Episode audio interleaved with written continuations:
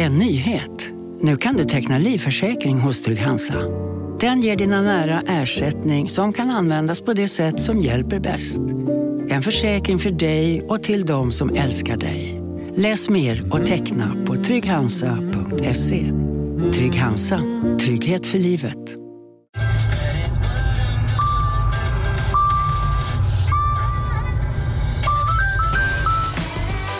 Dags att fylla på tanken. Stanna på Circle K så får du 50 öre rabatt per liter på dina tre första tankningar när du blir medlem.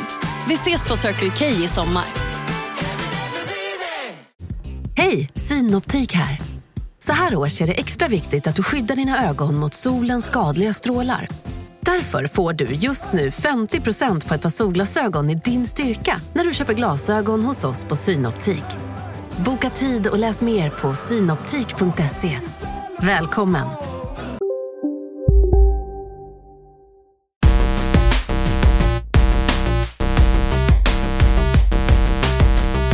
Lars Robin Larsson Asp!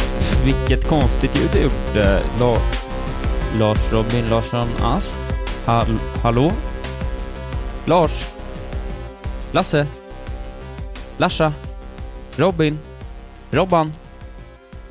Nej, mina damer och herrar, det är faktiskt så att eh, min älskade kompanjon eh, Lars Robin Larsson Asp är på annan ort i Frankrike på hemligt uppdrag eh, och i och med det har jag faktiskt redan besvarat den första fråga jag fick vad eh, han gör i Frankrike. Som sagt, det, han är på hemligt uppdrag.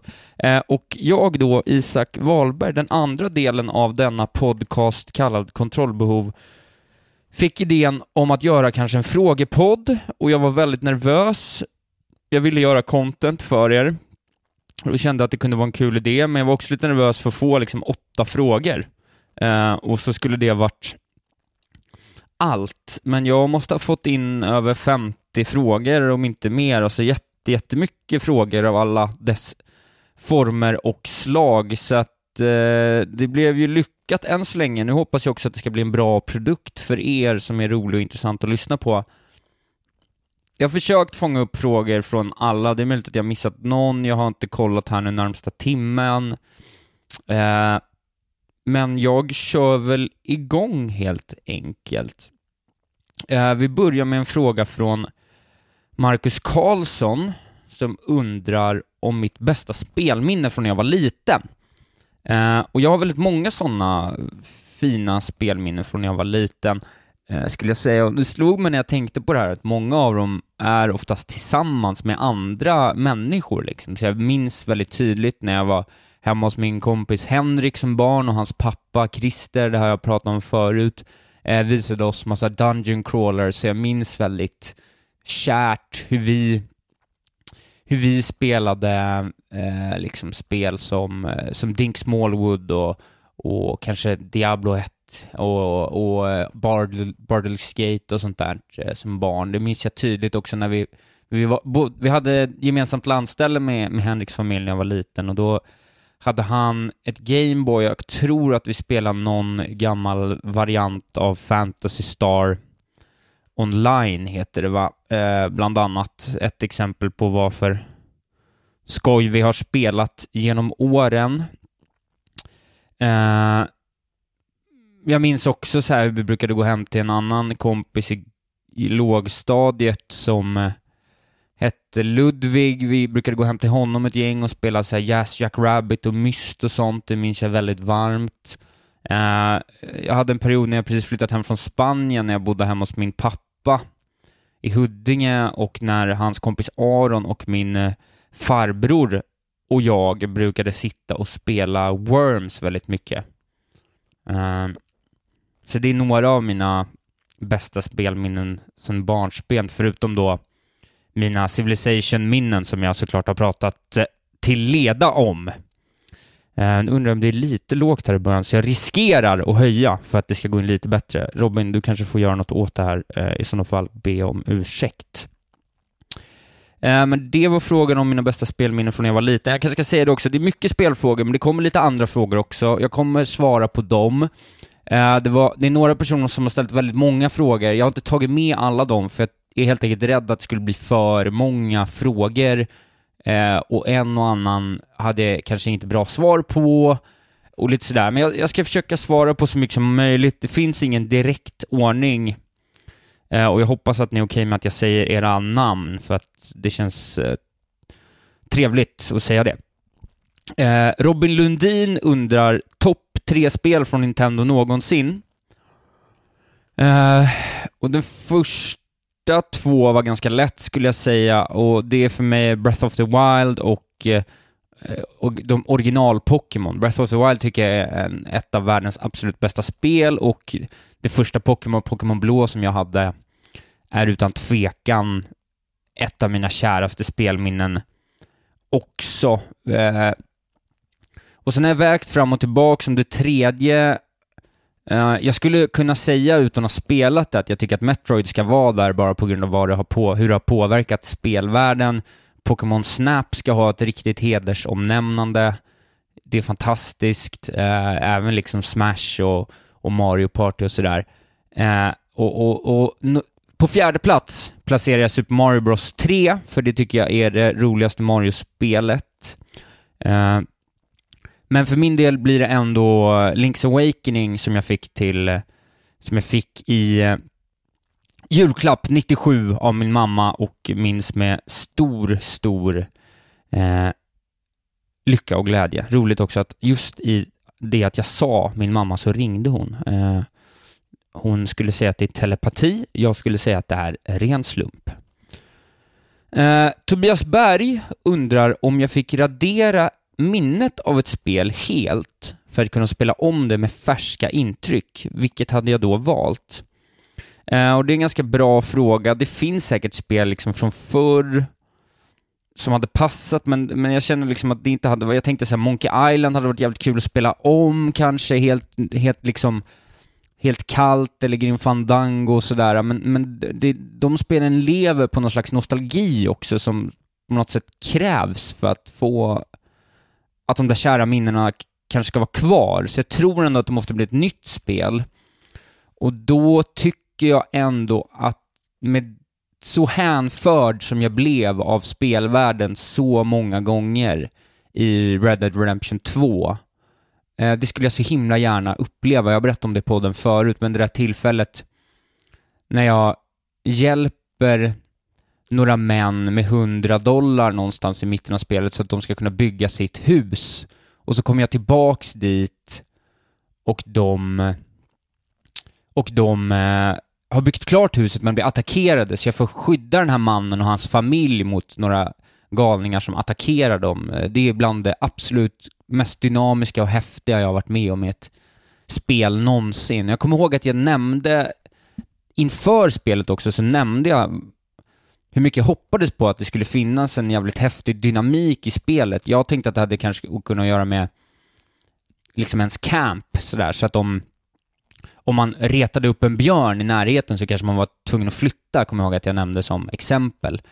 Och riktigt så blev det ju inte, men det där tyckte jag ändå var så pass starkt. Eh, så att de där grejerna skulle jag uppleva igen. Jag också gick ner i ett sånt rabbit hole för ett par månader sedan i vintras, tror jag, av alla secrets som finns i Red Dead Redemption 2, så jag har spoilat varenda en. Det finns så sjuka grejer att upptäcka i det där spelet, sådana små liksom påskägg och, och godsaker av liksom allt från så spöktåg till liksom gorillastatyer under tågbroar och, och massa sjuka grejer. Och, och jag önskar att jag hade gått in fräscht igen och kunnat upptäcka de där grejerna själv, för att utifrån det perspektivet, om jag hade bara vetat lite mer att de grejerna fanns, om jag letade tillräckligt mycket, då fanns det liksom hundra timmar till i det där spelet.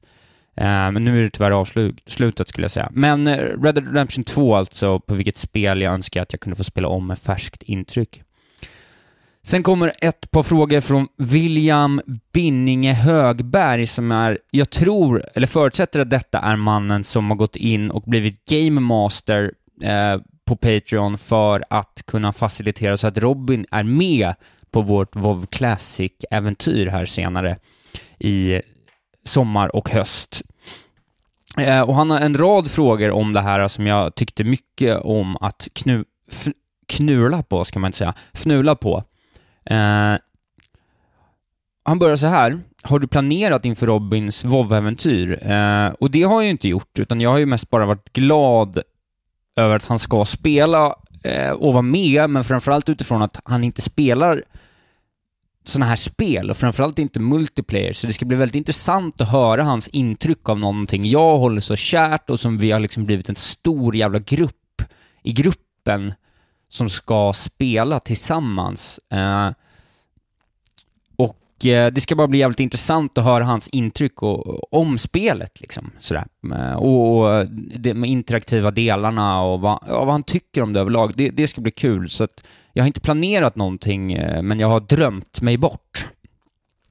Eh, han frågar också om man kommer få välja klass helt själv eller om jag kommer vägleda honom. Och jag kommer hjälpa om honom om han vill. Jag tänker att han kan få fråga lite, eller vi kanske kan reda ut lite snabbt vad han typ är intresserad av, liksom, så kan jag hjälpa honom lite där. Men jag tänker kanske att han ska vara lite av en utility-klass, så att han inte hamnar i, i massa skit, utan det kanske är bra att vara eh, Ja, man ska vara paladin eller någonting som är lite så random och så får han ett gratis mount i framtiden, vilket han säkert blir glad över. slipper han farma, för det tror jag inte han kommer tycka om. Eh, och så undrar William också här eh, om vi kommer spela som en full grupp eller om jag kommer låta, låta honom försöka questa själv. Och det här tycker jag är en helt rolig fråga, för jag tycker att han ska få skapa sin egen uppfattning först om vad spelet är. Eh, så att jag tycker att han ska dinga level 20 själv. 10 går ju för, alltså 20, vad kan det ta? Ja, vad, vad kan det ta? Två arbetsdagar played kanske, max? Nej, en och en halv, jag vet inte. 12, 12 timmar kanske. Eh, men sen när han är level 20, då, då ska han få med och köra en, en grupp som är lite tight på Deadmind, så att han bara får liksom upplevelsen, så att, han, så att han har en tydlig roll, men att vi andra ändå inte riktigt behöver honom, så att han inte... Eh, för jag tror han blir stressad om om det är för mycket som är beroende på honom. Så jag tänker att han ska få liksom en skön introduktion i det här och eh, för jag vill väldigt gärna att han ska vara med längre än till level 20, men där någonstans känner jag väl att gränsen för vad vi kan kräva av honom, av honom går. Eh, och då ser jag väldigt mycket fram emot att få höra ett långt ståtligt utlåtande om vad han tyckt om det hela. Eh, och sen är det också en fråga om det här, den här perioden, eller när vi ska spela WoW Classic då, om hur planerna ser ut för det spelandet, om det kommer livestreama och sådär. Eh, och det är väl mycket möjligt att jag kanske kommer liksom att sitta och streama mitt grindande liksom i, i, i levlandet och sådär, men framförallt så ser jag det här som en community-grej. Det ska bli skitkul att spela det med så många människor. Jag hoppas liksom att vi får ihop ett guild på 40-50 liksom kontrollbehovsspelare på en gång och att det liksom kommer finnas någon liten grupp där någon alltid är inne och att vi bara så här, du vet, lirar runt på något vis. Alltså, du vet, upp, glada upptåg. Det här ska vara roligt. Jag skämtar om att vi ska vara liksom Eh, world first på Molten Core och sånt, men det är, det är såklart inte det det handlar om. Vill man spela så får man jättegärna göra det, men framförallt så är det en fråga om att eh, ha kul i liksom kontrollbehov, eh, kontrollbehov-communityt. Och jag uppmanar alla som har en den minsta tanke om att vara med om det här, vara med från start. Alltså på launch så ska vi sitta ett helt jävla gäng alltså. Det ska bli underbart. Eh, men det var de frågorna om WoW Classic. Det kommer nog någon, fler, eh, någon mer här längre ner, men jag tar dem bara i de ordningen som jag klistrar in dem i ett dokument. Eh, Marcus Karlsson undrar vilket spel jag ser mest fram emot. Eh, och just nu skulle jag säga att det är Cyberpunk 2077 och Ghost of Tsushima. liksom som är de stora spelen på horisonten lite mer i närtid så är jag väl eh, ganska bra sugen på Jedi Fallen Order. Jag tycker att eh, The Outer Worlds ser väldigt coolt ut, bland annat. Eh, ja, det är väl det som är liksom det stora just nu, måste jag säga. Jag har väl någon stilla förhoppning om att Pokémon ska vara intressant med någon mekanik som inte ännu är presenterad, men jag tror liksom inte att det kommer bli så. Sen har jag nog blivit väldigt sugen på Link's Awakening också, nya remaken där, så det ska bli roligt att se. Sen kan jag faktiskt inte minnas något mer. Jag vet att det var några grejer till där som jag fick upp suget för, men det, det känns som att de är lite mer framåt våren och då eh, jäckar ändå Cyberpunk min, min fantasi ännu mer än det. Eh, just det, David Gottfridsson. Jag vill veta vad han ska i Frankrike. Eh, han ska på hemligt uppdrag. Isak Karlsson.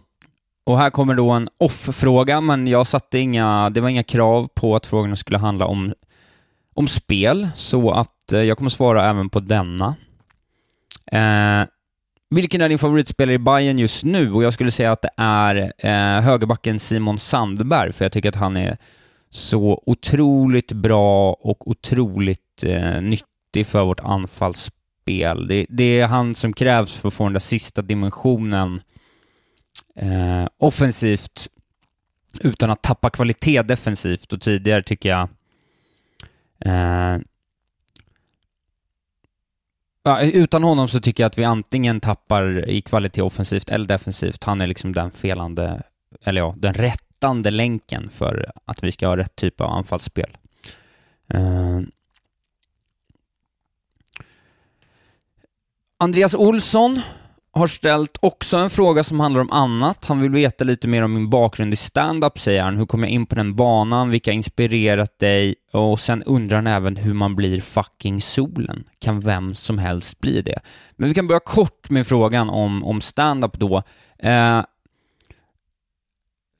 hur det exakt började kan jag inte riktigt minnas, men jag var väl liksom, jag, jag var inte riktigt en teaterapa som väldigt liten unge, men sen någonstans liksom i lågstadiet så började jag ändå Uh, gud, sa att jag ska göra det här snabbt och så började jag lågstadiet. Men jag gjorde liksom roliga timmen-uppträdanden och sånt med Markoolio-låtar som jag mimade till, som jag tyckte var roliga. Och liksom, jag har väl alltid gillat uh, roliga saker. Jag har också alltid haft ett eget sinne för humor som har gjort att om man tittade på så, jag minns sådana här tillfällen väldigt tydligt från man kanske satt på fritids och kollade på någon film och så skrattade alla barnen åt något skämt i filmen, då vill inte jag skratta då liksom, utan jag ville på något, jag liksom analyserade humor redan då, så här, men varför skrattar vi åt det här? Så att det har väl alltid legat tätt eh, nära mig, jag tror att jag kommer från en ganska kreativ familj och att det liksom ligger i den andan eh, på något vis. Min morbror har alltid varit väldigt skämtsam och sådär också, så det känns som att det liksom finns i familjen någon slags berättarintresse och eh, och eh, kreativitet och någon slags humor sådär. Men och sen så fortsatte liksom det där att eh, humorintresset utvecklades. Jag kommer inte ihåg exakt när alla bitar föll på plats, men någonstans i högstadiet så liksom ramlade jag väl in på på Robert Gustafsson och med det kom Killinggänget. Jag kommer ihåg starkt hur jag älskade att vara uppe och kolla på Senkväll med Lok med min mamma. Det var det bästa jag visste. Eh, och då även, eller såklart, liksom Dan Bäckman-sketcherna. Alltså Dan Bäckman blev väldigt stor för mig någonstans i i fyran och det där utvecklades till att jag kollade jättemycket panelhumor och Filip och Fredrik och sen efter ett tag förstod jag att alla panelhumorister i princip var stand-up-komiker och någon gång i den vevan så tänkte väl jag att så här, men det där kan jag också göra när jag var 16 kanske. Innan hade jag hållit på med, med musik, men jag kunde liksom inte riktigt sjunga och var inte så himla bra på gitarr heller, eller trummor. Jag kan göra det hjälpligt liksom, men, men då, då kändes det så himla lätt att köra och hålla på med stand-up istället, för man behövde liksom inte kunna någonting förutom att prata. Om det är någonting jag kan så är det att prata liksom. Eh, så då anmälde jag mig till Bungee Comedy, tvåan på gymnasiet, när jag var 16, var med ett par gånger där.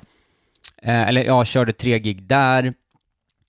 Eh, och sen så fortsatte jag, körde liksom, försökte hooka upp mig på några klubbar hit och dit, körde på på eh, Big Ben och någon mer ställe kanske ett par gånger. Men jag, det var så jävla jobbigt när jag var 16. Jag mådde ju dåligt i två veckor innan och sen kändes det som att jag fick en blackout på scen och sen efter så var det bara skönt att det var över. Så jag fick liksom inte riktigt någon, någon kick av det, utan jag kände verkligen hur det var för, för stor påfrestning mentalt. Och eh, mitt sista gig jag gjorde var att jag, det var en häcklare, jag kommer ihåg det så jävla tydligt, det var på Big Ben långt innan de gjorde om liksom. Det var ju 2009 kanske, nästan tio, ja det är tio år sedan måste det vara. Uh, och det var någon tant som häcklade och jag kommer ihåg att jag hade förberett en häckling, vilket jag så här i efterhand är stolt över att jag gjorde, men jag hade, eller jag hade förberett ett svar på häcklingen så att hon avbröt mig i mitt sätt, jag häcklade tillbaks henne då, fick ett skratt och sen var problemet att jag hade lärt mig manuset utan till och behövde rabbla det. Jag kunde det inte utan jag kunde bara rabbla det. Så att jag eh, tappade helt bort mig och fick panik och jag kommer ihåg Petra Mede hade Big Ben på den tiden, Fredrik Andersson var MC, jag minns det så otroligt tydligt. Min pappa var där och även eh, min barndomskompis Sara och hennes pappa Lars var där och kollade. Och Petra Mede eh, sa någonting i stil med han har tappat bort sig, titta vad gullig han är. Och jag fick panik. Eh, Petra Mede var inte stor, men hon satt liksom vid sidan av scenen och det blev väldigt påtagligt att jag hade gjort bort mig på något vis. Jag kände skam. Så jag gick av och jag kommer ihåg det sista jag hör eh, är att Fredrik Andersson står på scen och ropar så här, Isak kom tillbaks, vill ni ha tillbaks Isak och applåder? Men jag gick därifrån och tänkte fuck den här skiten. Eh, sen massa år senare så 2000, vad blir det då? 14, 15 måste det vara när jag började. Fyra år sedan igen.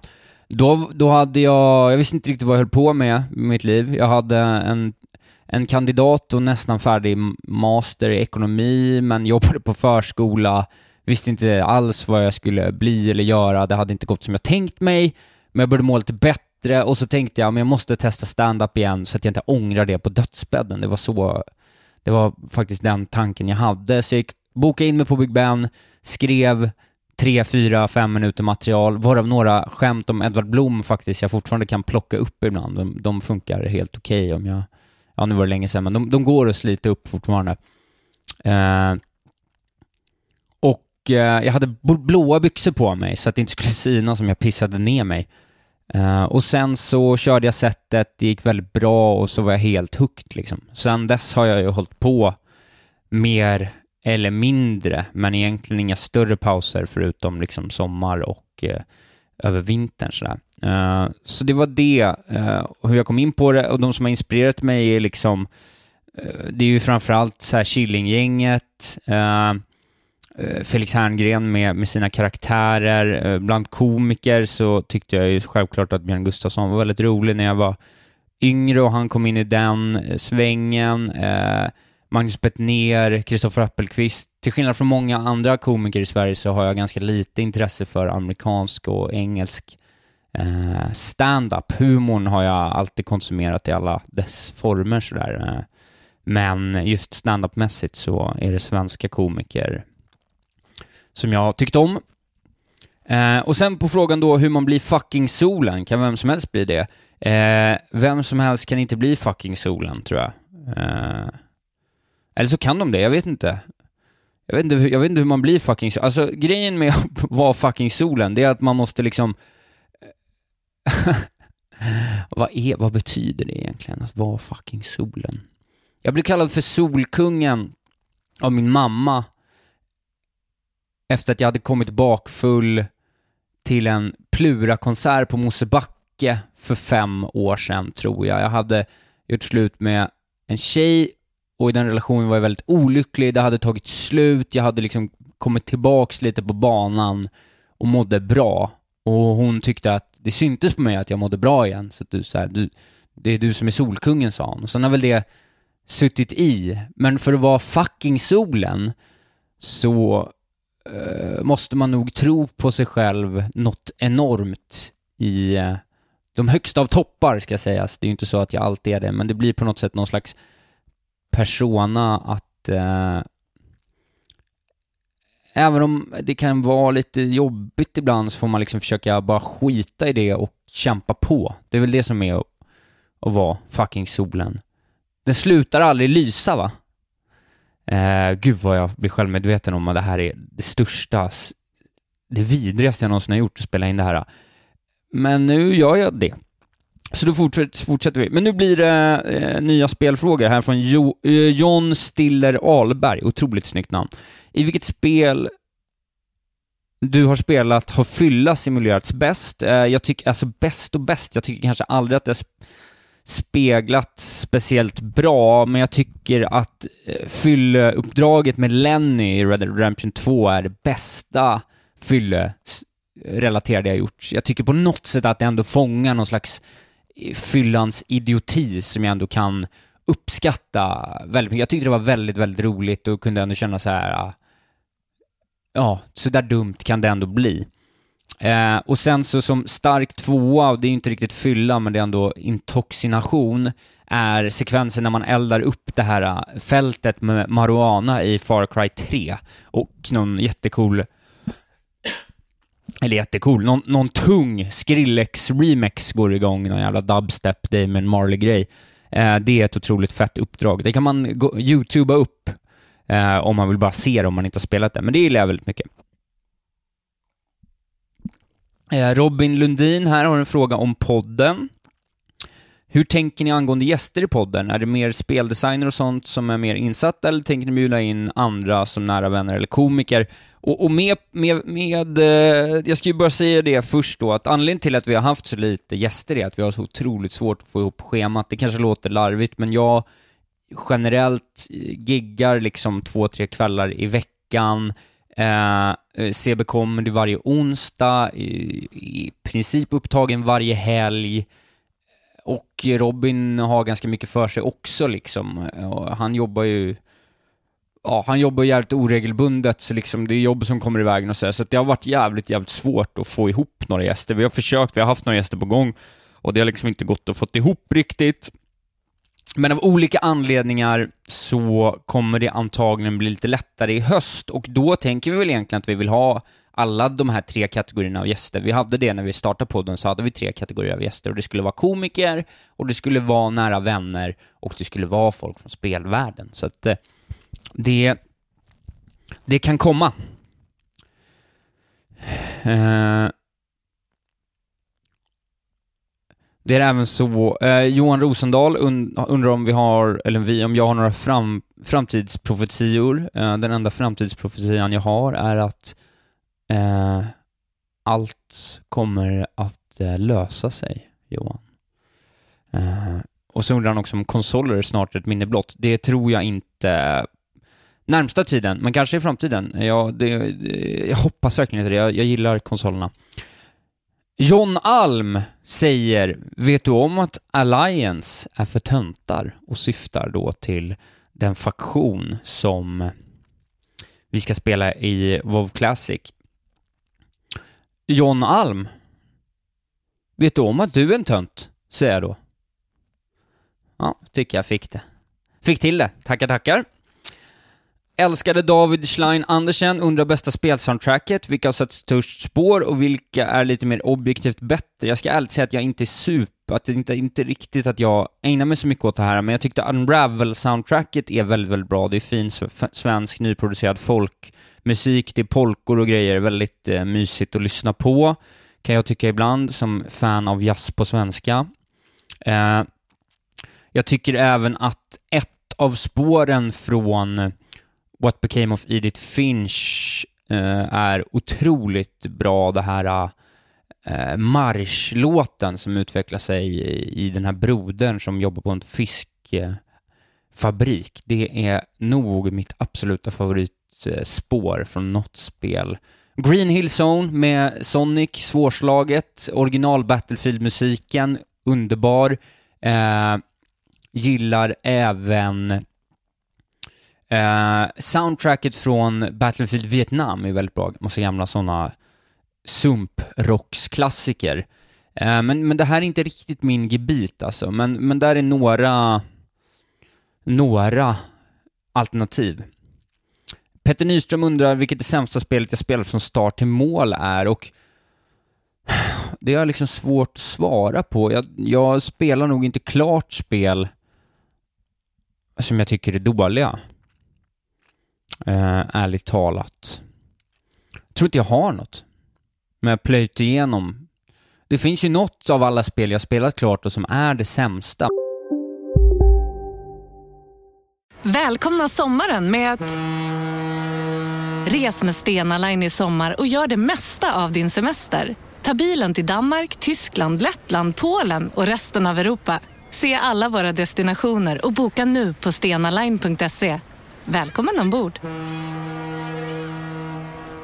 För att solen skiner, för att solen inte skiner eller för att det regnar. Oavsett varför är det alltid en god idé med en glass. På McDonalds finns goda glassar för goda priser. Som en McFlurry Oreo för bara 25 kronor. Dagens vinnarprognos från Postkodlotteriet. Postnummer 65209, klart till halvklart och chans till vinst. 41101 avtagande dimma med vinstmöjlighet i sikte. Övriga 10 500 postnummer soligt och möjlighet att vinna. Oavsett när sommaren kommer till dig så kan du och dina grannar få dela på 48 miljoner i sommaryran. Ta chansen nu i maj på Postkodlotteriet.se. Åldersgräns 18 år. Kontakta stödlinjen om du eller någon anhörig spelar för mycket. Men jag kan inte riktigt minnas vad det skulle vara då. Faktiskt. Jag får tyvärr hoppa på den, även om det var en väldigt bra fråga. Jag ska tänka på den och kommer jag fram till någonting i framtiden så återkommer jag. Eh, Emil Wikström undrar, vilka spel har toppat känslorna lycka, sorg och ilska? Eh, ilska Otroligt, otroligt lätt. Eh, Counter-Strike 1.6. Fy helvete vad jag varit när jag spelat CS. Eh, lycka är nog... Alltså om man, om man liksom räknar toppar så kan det nog vara typ så här eh, fyra öl in i någon Fifa-turnering om man liksom sätter en någon jävla 45 meters boll på chans i 89 minuten. Eh, men, men långvarig lycka tror jag ändå är eh, World of Warcraft, liksom Vanilla. Eh, det är något av det bästa jag har spelat och bara sitta där med min, min halvbror eh, en hel sommar och, och, bara ha det kul kontinuerligt oavbrutet liksom. Eh, och sorg, alltså jag vet inte riktigt vad jag har vad det skulle kunna vara, det, det är liksom ingenting som dyker upp just nu. Sorg är liksom ett starkt ord. Uh, jag har väl gråtit till spel tror jag, men jag kan inte riktigt liksom...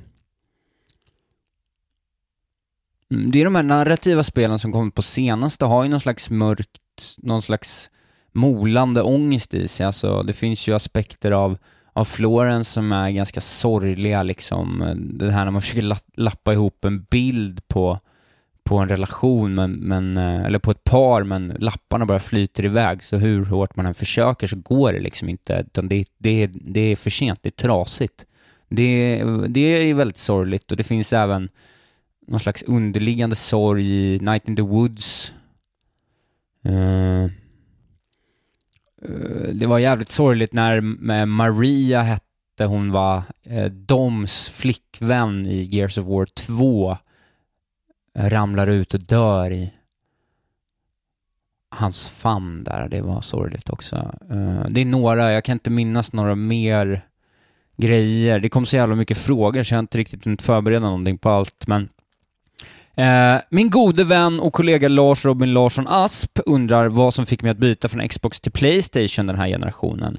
Och så undrar han också varför jag alltid har keps. Eh, Playstation bytte jag till, eh, jag började med, jag tog Xbox 360 för att jag tyckte att de hade bättre spel. Jag tyckte Gears var mer intressant, jag tyckte Halo var mer intressant trots att jag aldrig spelat det. Det var nog Gears framför allt liksom. Man ska ju komma ihåg att första Gears fick ju en tia.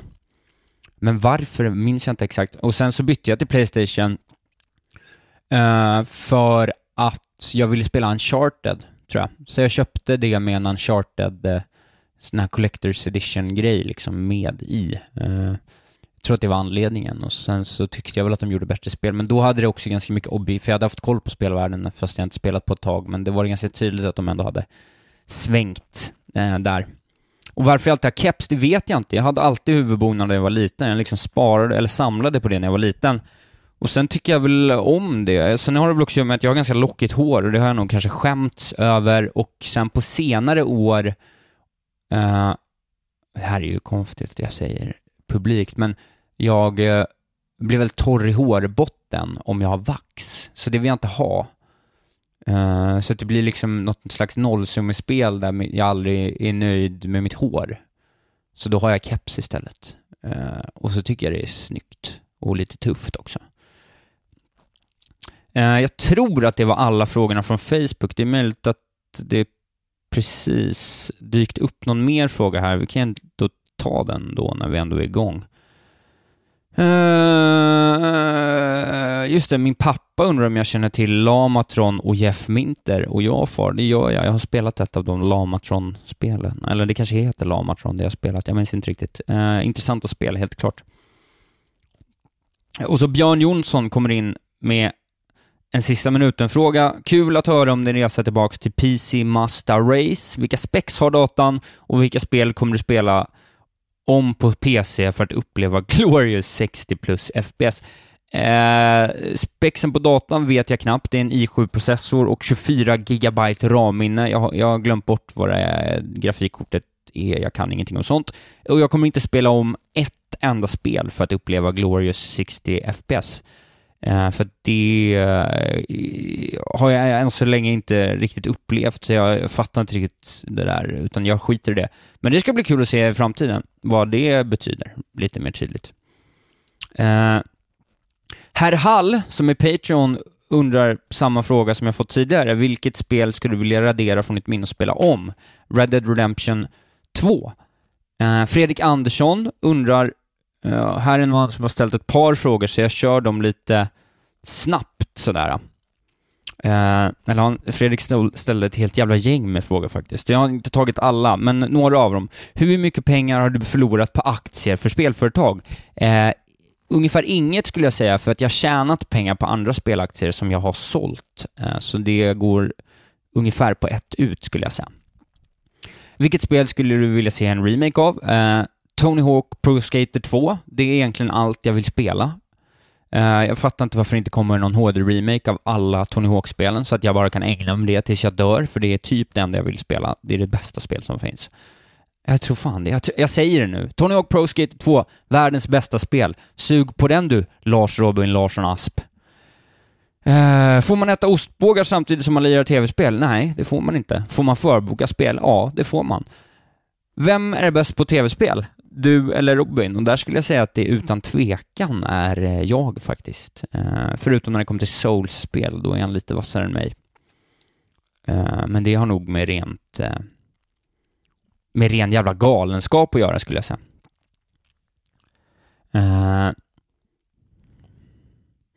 Är det, är det något spel du ångrat att du missat för att så här långt efter så kan man inte ta upp det. Och jag, det, det första jag kom att tänka på, det har jag också pratat om förut, men det var länge sedan, och det var att jag tyckte att Horizon Zero Dawn inte gick att spela efter att jag spelat Zelda eh, Breath of the Wild, för att jag tyckte att jag tyckte att det blev så tydligt att den där mekaniken med liksom kartpetting var föråldrad by den.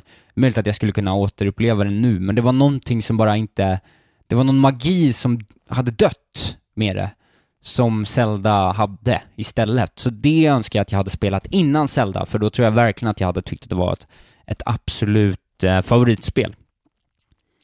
Eh, och, grym fråga, favoritvapen från tv-spelsvärlden.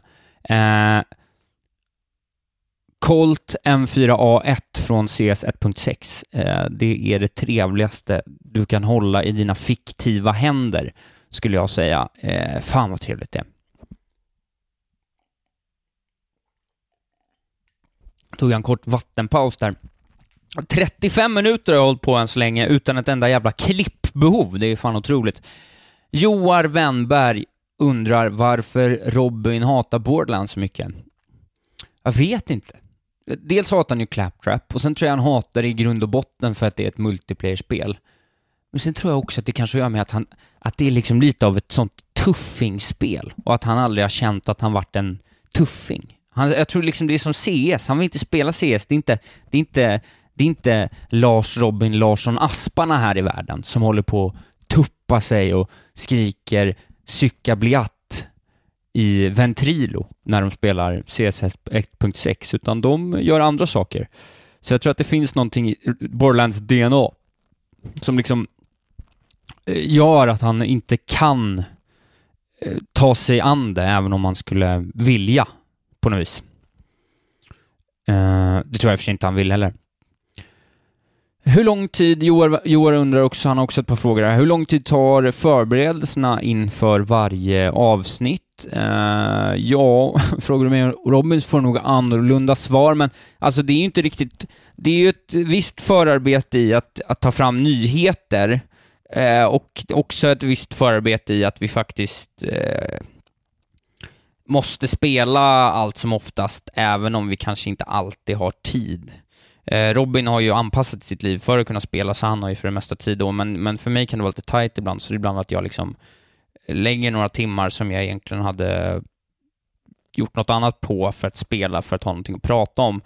Eh, men sen är det också att vi konsumerar väldigt mycket spelmedia generellt, tror jag. Alltså jag tittar nog ändå på YouTube-grejer ett par timmar i veckan om spel och liksom följer lite nyhetssidor och lite Twitter-personer och sådär. Så att det, allt som allt så är det ju en del av, av livet som tar ett gäng timmar varje vecka. Eh, faktiska förberedelser, jag brukar lägga kanske 30-40 minuter på att samla upp nyheter inför.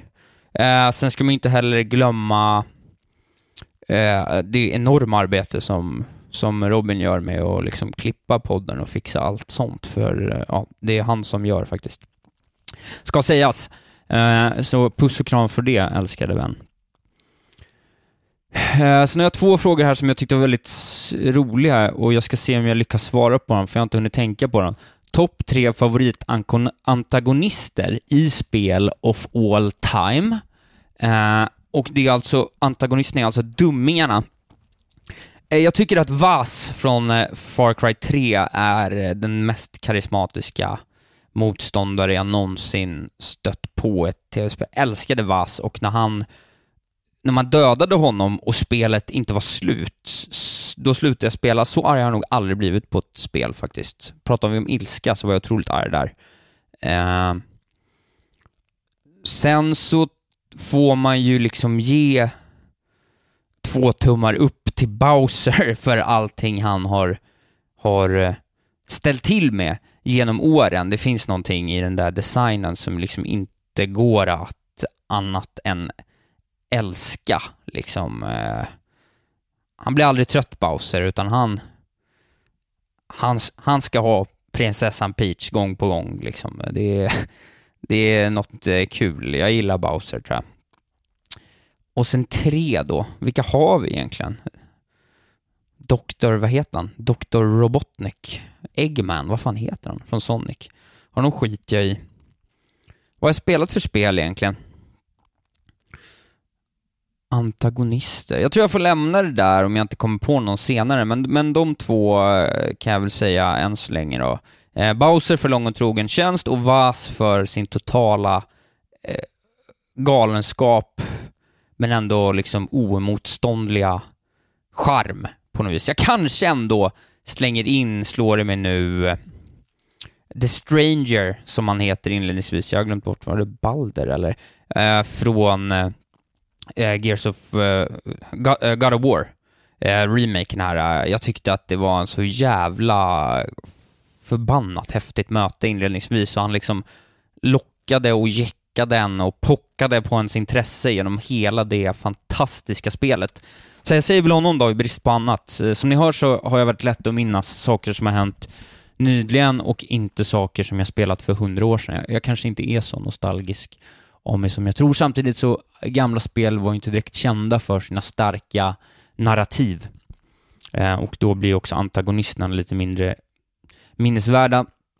Protagonister, topp tre of all time. Eh, nummer ett, Link. Inget slår Link. Eh, nummer två, Ash.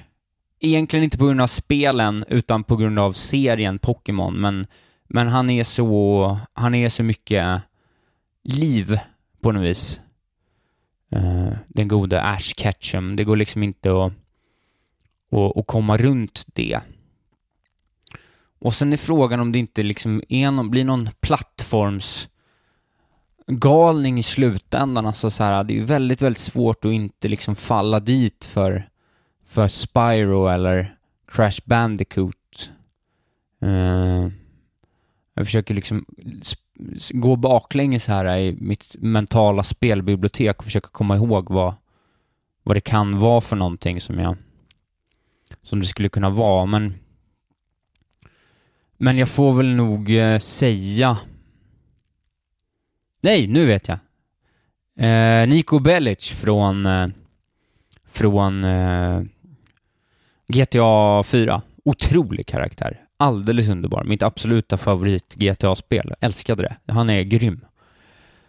Eh, Just det, Johan Nilsson, en fråga vi lätt har tangerat, men vilket mitt första dator, TV dator eller tv-spelsminne är, och det är någon slags, jag har nämnt det någonstans, det är någon, något slags gammalt datorspel. Pappa tog med till någon burk han hade fått tag på på något jävla vänster, där man, där man rörde sig i någon slags rymdskepp på något vis, och, och det kändes som att eh, som att en annan värld öppnade sig, trots att grafiken var den sämsta polygongrafik man kan tänka sig om ens det, men det var något alldeles enormt för mig som barn att se det där. Jag tror att jag blev hooked på en gång när jag såg det.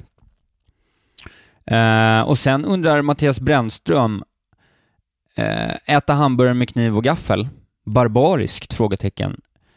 Eh, hamburgare med kniv och gaffel kan man äta när, när hamburgaren presenteras utan fodral. Då äter man den med kniv och gaffel när den presenteras i fodral, då äter man den ur fodral. Så skulle jag säga.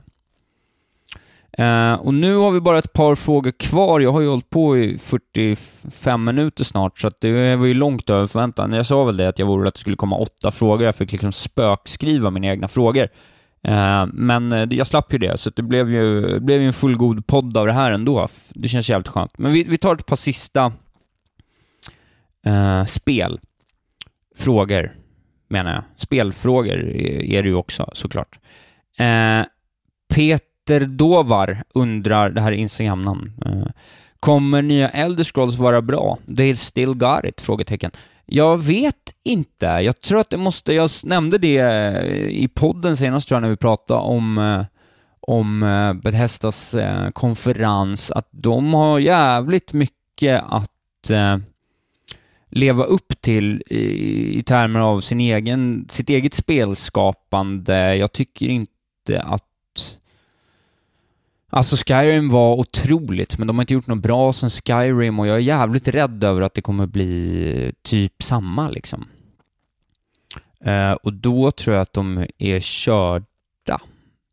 Jag tror de får svårt att innovera den där världen alltså. Den där typen av high fantasy liksom och den där jävla, det där jävla gameplayet de håller på med, stå och vifta med någon jävla yxa eller svärd bara framför sig som en idiot, sina jävla ragdoll pissfysik och snatta äpplen. De, de, de har mycket de har mycket att eh, bevisa med det spelet och jag vet fan om de kommer lyckas.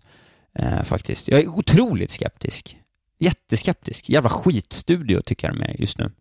Uh, så det, det, blir intressant att se. Uh, ytterligare en fråga. Miguel Lantz Söderlund. Vad tycker ni om Square och deras spel? Känns som de får eh, mycket skit. Uh, och jag, jag, kan nog bara prata för mig själv, Square Enix, Enix alltså, men jag tror väl att det framförallt har att göra med den här uppsjön av liksom japanska rollspel som de trycker ut som det liksom inte går att... Det finns liksom ingen själ kvar i det där. Alltså, det var någon som har skämtat någon gång att det är så här eh, att, att de där spelen bedöms efter TTC, Time to Crystal, alltså hur lång tid det tar innan det är någon slags oklar kristall som, eh, som eh, liksom blir någon slags eh, McGuffin i storyn, att det är så här bara ja, nu är det någon ny kristall här och vi måste hitta dem. Och sen så tar det 86 timmar och sen så är det liksom ganska stereotypa bilder av eh, både kvinnor och män som kan kännas lite tröttsamma och att japanskt gameplay tyvärr, i min opinion, eh, inte har utvecklats speciellt mycket på jättelänge, utan det är hack and slash eller så är det turnbaserad combat och båda de grejerna är ganska trista. Jag tycker det säger ganska mycket att de hade det som en feature i, i nya Dragon Quest-spelet här, nyutgåvan för switchen, att säga And now you can skip battles. Det är liksom hela mekaniken i spelet, förutom typ rörelse eh, och vissa liksom subsystem då, men, men att man då kan skippa det eh, säger ju någonting om att det, alltså ja, det, det, det är märkligt kan jag tycka. Eh, jag tycker att de får skärpa till sig där borta i öst, delvis faktiskt. Eh, men jag är inte heller någon expert, eh, men det är min syn på, på Square. Eh, blir jag orolig här direkt. Jo, de är, de är japaner, det var ju väldigt skönt. Eh, ja, sen har min kära syster bombat mig med ett, ett gäng frågor. Jag kommer inte svara på alla, men jag kommer svara på några. Eh, och min syster frågar ordagrant, varför har din syster inte gästat podden än? Eh, och det är ju för att hon inte kan någonting om tv-spel, så att eh, hon skulle ju inte tillföra så mycket.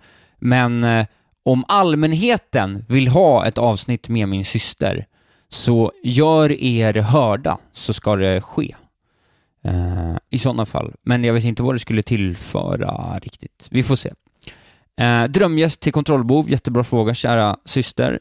Eh, Hiton, Josef Fares, Fares Victor Leijonhufvud och Effie Karabuda. Eh, jag hoppas, Karabuda, jag hoppas man uttalar det så. Eh, prominenta svenska spelprofiler, Hiton i form av gammal hjälte, eh, Josef Fares i form av av eh, världskänd spelskapare, Victor Leijonhufvud i form av att han håller på och gör ett eget spel liksom själv och det är väldigt, det skulle vara väldigt intressant att höra om det, eh, men också för att jag har eh, haft mycket glädje av hans ljuva stämma i hans tidigare podcast Overkligt. Jag vet inte riktigt om den finns längre. Jag skulle även ha, vilja ha hit eh, eh Johan Hallstam som jag också tyckte väldigt mycket om i den podden. Eh, och Effie för att jag tycker att eh, spelvärlden eh, behöver mer kvinnor som henne som tar, tar, eh, tar plats och är eh, välfunnen och smart och, eh, och eh, bra helt enkelt. Eh, henne skulle jag gärna prata med.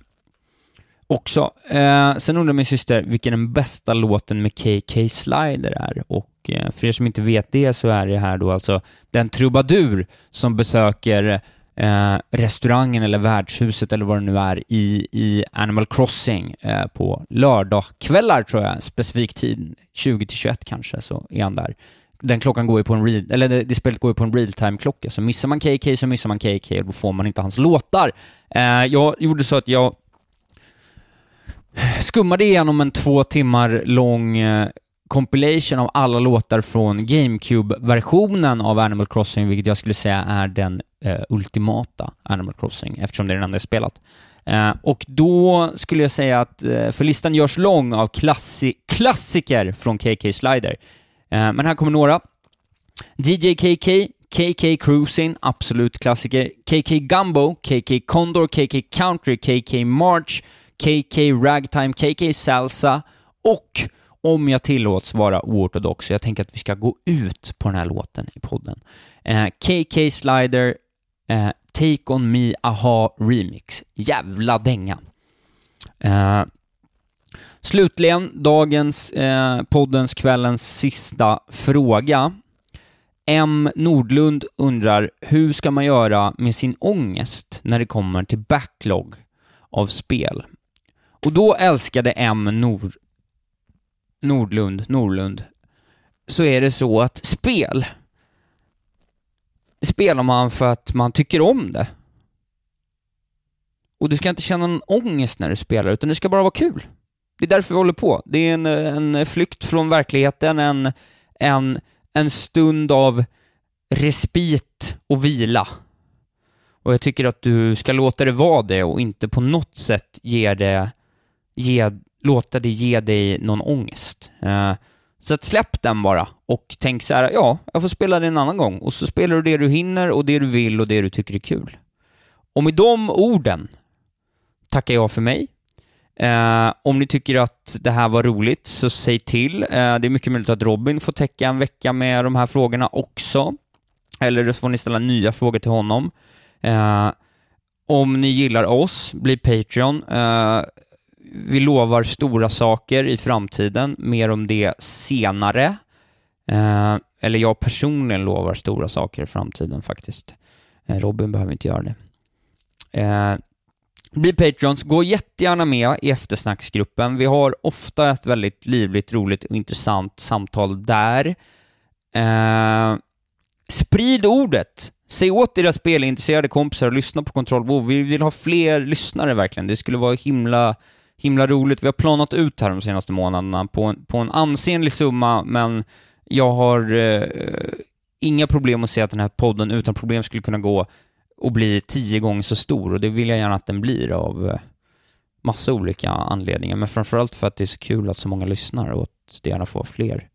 Eh, slut, I slutändan så får man eh, gärna följa mig på Twitter och Instagram om man tycker det är kul. Jag heter att Valberg Isak där. Eh, puss och kram. Ge en stor, varm applåd till KK Slider med hans Take On Me Remix. Puss och kram.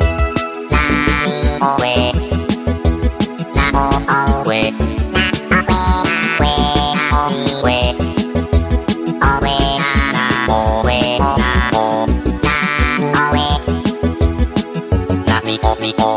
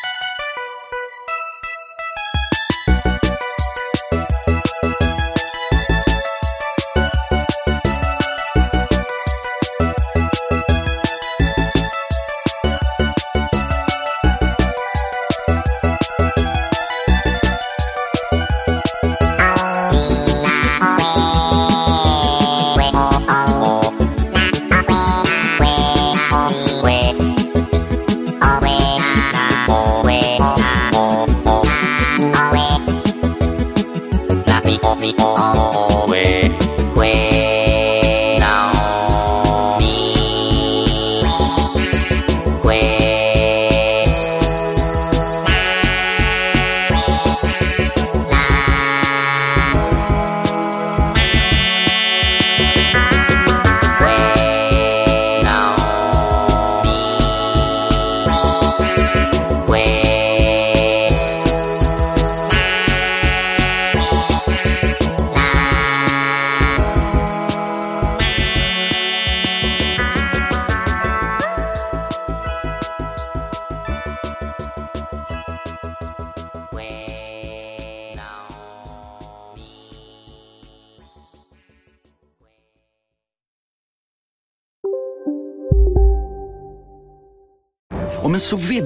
till dig för att du råkar ljuga från kollega om att du också hade en och innan du visste ordet av du hem kollegan på middag och...